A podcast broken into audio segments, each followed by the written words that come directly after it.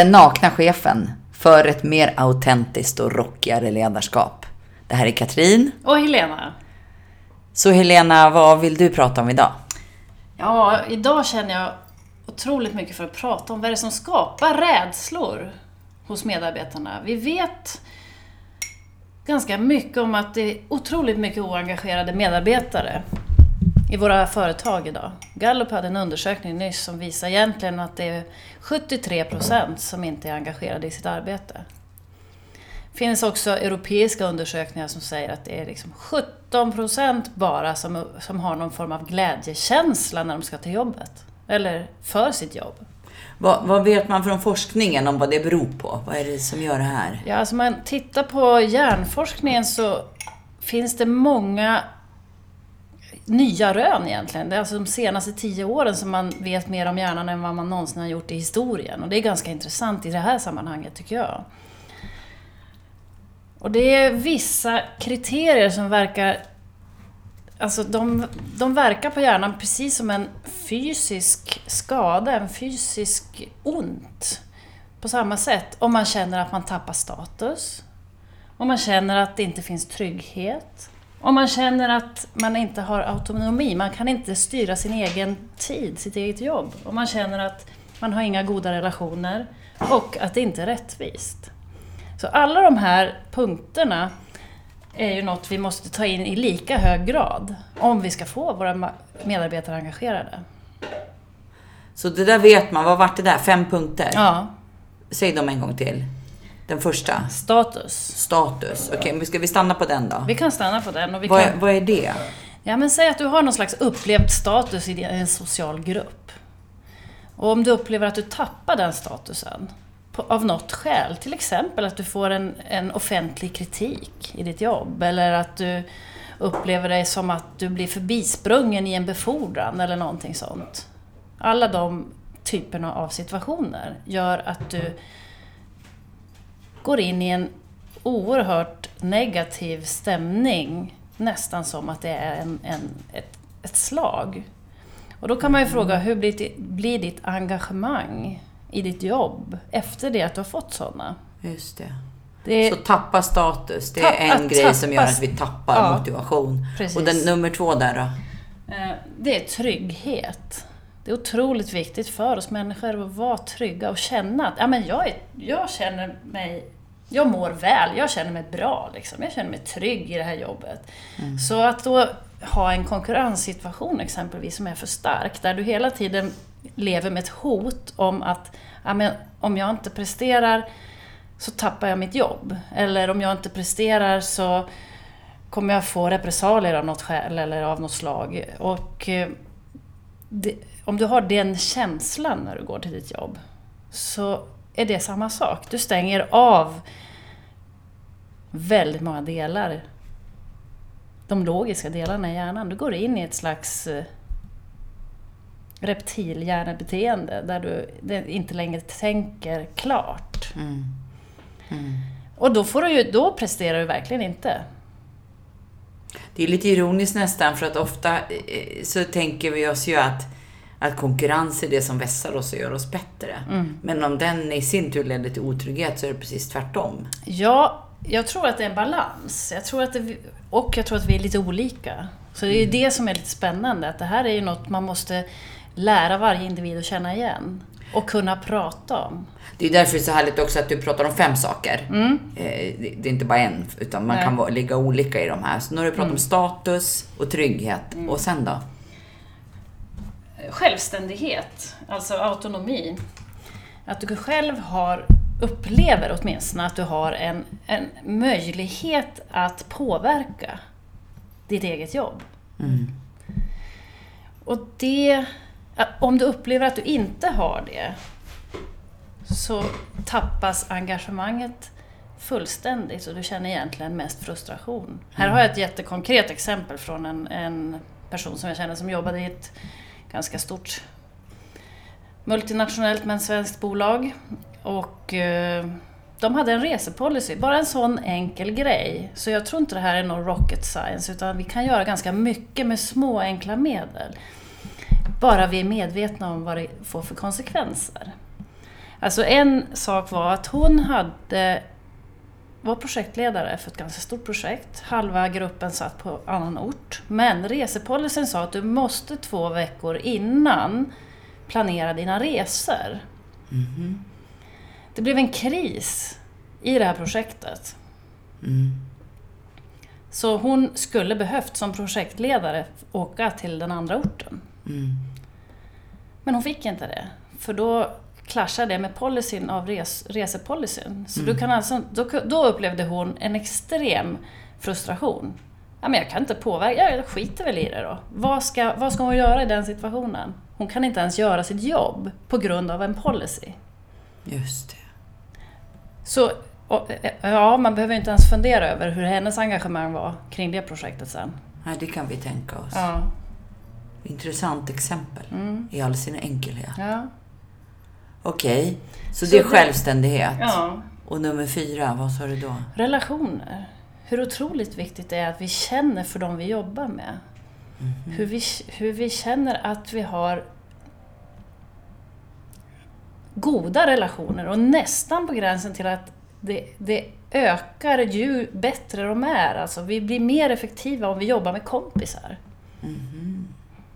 Och har vi då däremot en, en situation där vi känner oss mobbade eller förfördelade eller någonting annat, där relationerna inte stämmer. Eller där det är något som några personer som du faktiskt upplever en riktigt dålig relation med, så leder det till samma sak. Du får den här, det det, det är något som gör att du mår så dåligt. Det blir rädsla, det blir stress, det blir frustration.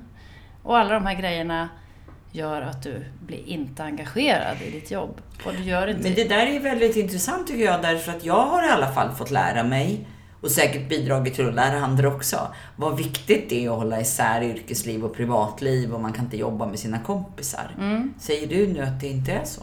Ja, uppenbarligen så är det så att det funkar väldigt mycket bättre om man känner att man har goda relationer. I alla fall är det det som forskningen visar och det är egentligen det jag upplever själv. Sen är frågan, det behöver inte betyda att du är privat och umgås hela tiden, men du ska kunna känna en närhet och en positiv närhet, en positiv relation till Just dem du jobbar med. Intressant. Det var den fjärde. Mm. Och den femte? Rättvisa. Vi har något slags innebyggt rättvisepatos i oss människor. Det tycker jag är jätteintressant också. Så upplever vi då att, att ja, det kan vara strukturer i organisationen som, som egentligen gör att man känner sig förfördelad. Det behöver inte vara uttryckt, alltså medvetet ens en gång, utan det, det kan vara det att ja, men, nu passerar den här personen mig i befordransstegen eller nu... Det kan vara nästan vad som helst. Nu, oj, den fick en högre löneökning än mig, men jag har ju gjort det här. Det, det där är väldigt intressant därför Mm. att där, där finns det också kunskap byggd nu som man ganska lätt kan söka upp som visar att det där gäller inte bara åt ena hållet utan det går åt båda hållen. Mm. Det vill säga om du får en, en som jag uppfattar det oförtjänt högre lön än mig Mm. då, då naggar det rättvisan Mm. och min arbetsmotivation. Men det funkar likadant åt andra hållet. Precis. Om jag vet att du gör bättre resultat Mm. och jag får högre lön, då, då är- skadar det lika mycket mina... Ja. Det tycker jag är intressant. Ja, det är för det säger att så himla ego är vi inte, utan vi tänker ganska Ja, vi ser det ändå kollektivt. Vi hänger ihop med andra människor och vi vet nog egentligen innerst inne vad det är som är rättvist och inte. Just det. Och i alla fall, o, i alla fall om man inte adresserar det, så tror jag att det kan vara en otroligt besvärlig situation. Har du egna erfarenheter av alla de här fem? Eller är det någon som lyser lite starkare för dig? Ja, för mig lyser egentligen eh, kanske status på ett plan starkare där jag upplever att eh, eftersom jag, jag inte tror att jag har varit så väldigt upptagen av status själv men och därför kom jag in i en organisation en gång där, jag, där det var huvudmålet för väldigt många. det var en organisation som bildades. Den var alltså inte organiskt gjord utan man plötsligt kom på att man måste göra en koncerngrupp. Och plockade lite olika människor från olika håll i organisationen. Men det det ledde till var egentligen att det blev en extrem intern statuskonkurrens. Vem lyckas prata med den högsta chefen oftast och visa att jag är bäst? Och jag var inte med i den matchen.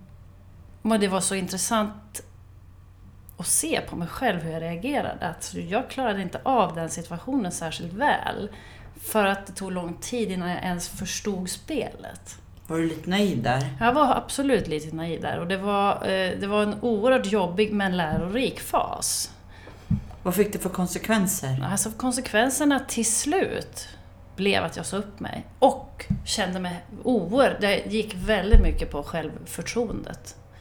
Vad blev de direkta konsekvenserna där och då? Vad fick det för impact på dina arbetsresultat? Och... Nej, jag, jag var, ju, var ju mycket sämre än vad jag någonsin hade varit. Jag, kunde, jag gick rätt in i de här typiska, att jag inte längre fixade att ha den normala logiska tänkandet som jag har eller den prestation jag brukar kunna framföra, det kunde jag inte för att jag hittade inte vägarna.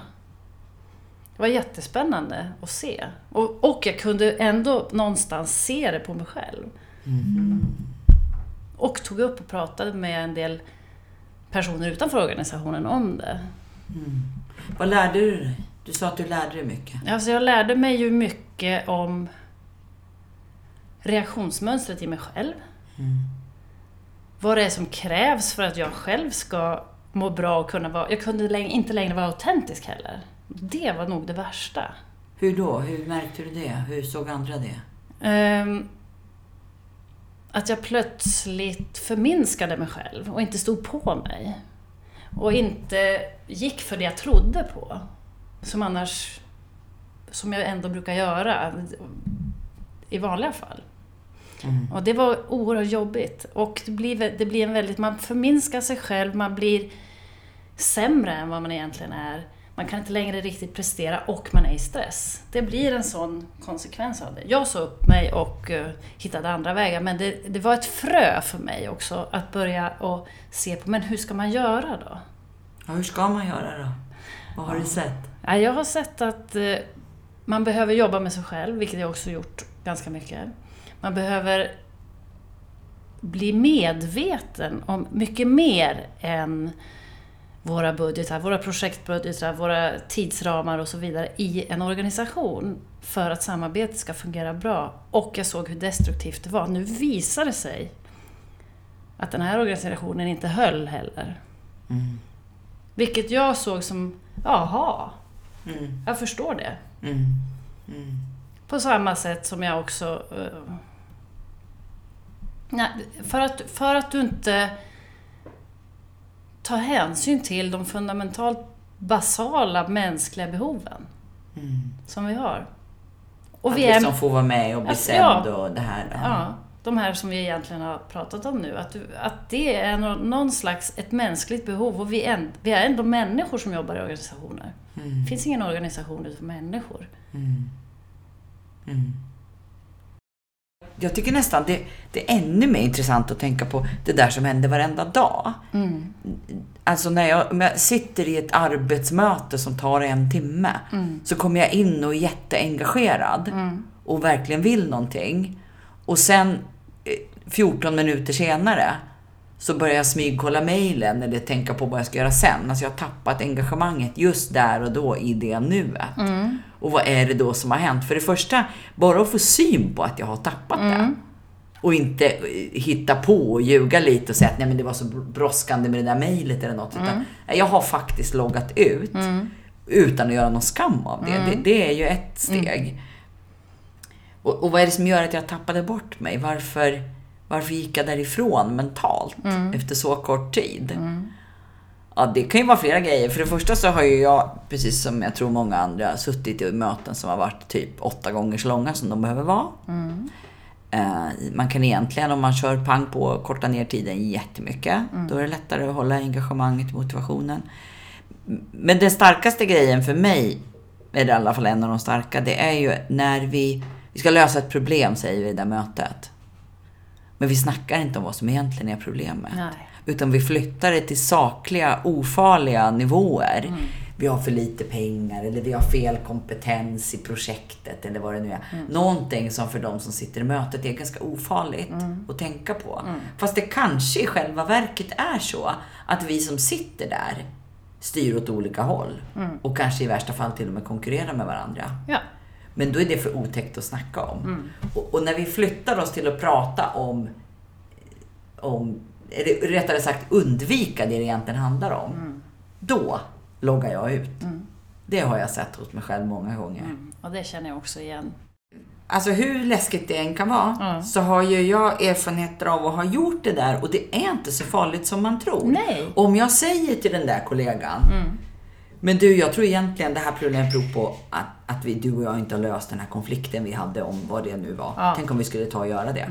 Så tänk om vi skulle våga vara nakna som chefer. Mer nakna, mer autentiska, mer eh, Modiga. öppna och modiga i ledarskapet. Så kan vi faktiskt bidra till ett friskare, gladare arbetsliv. Det här är den nakna chefen Helena! och Katrin.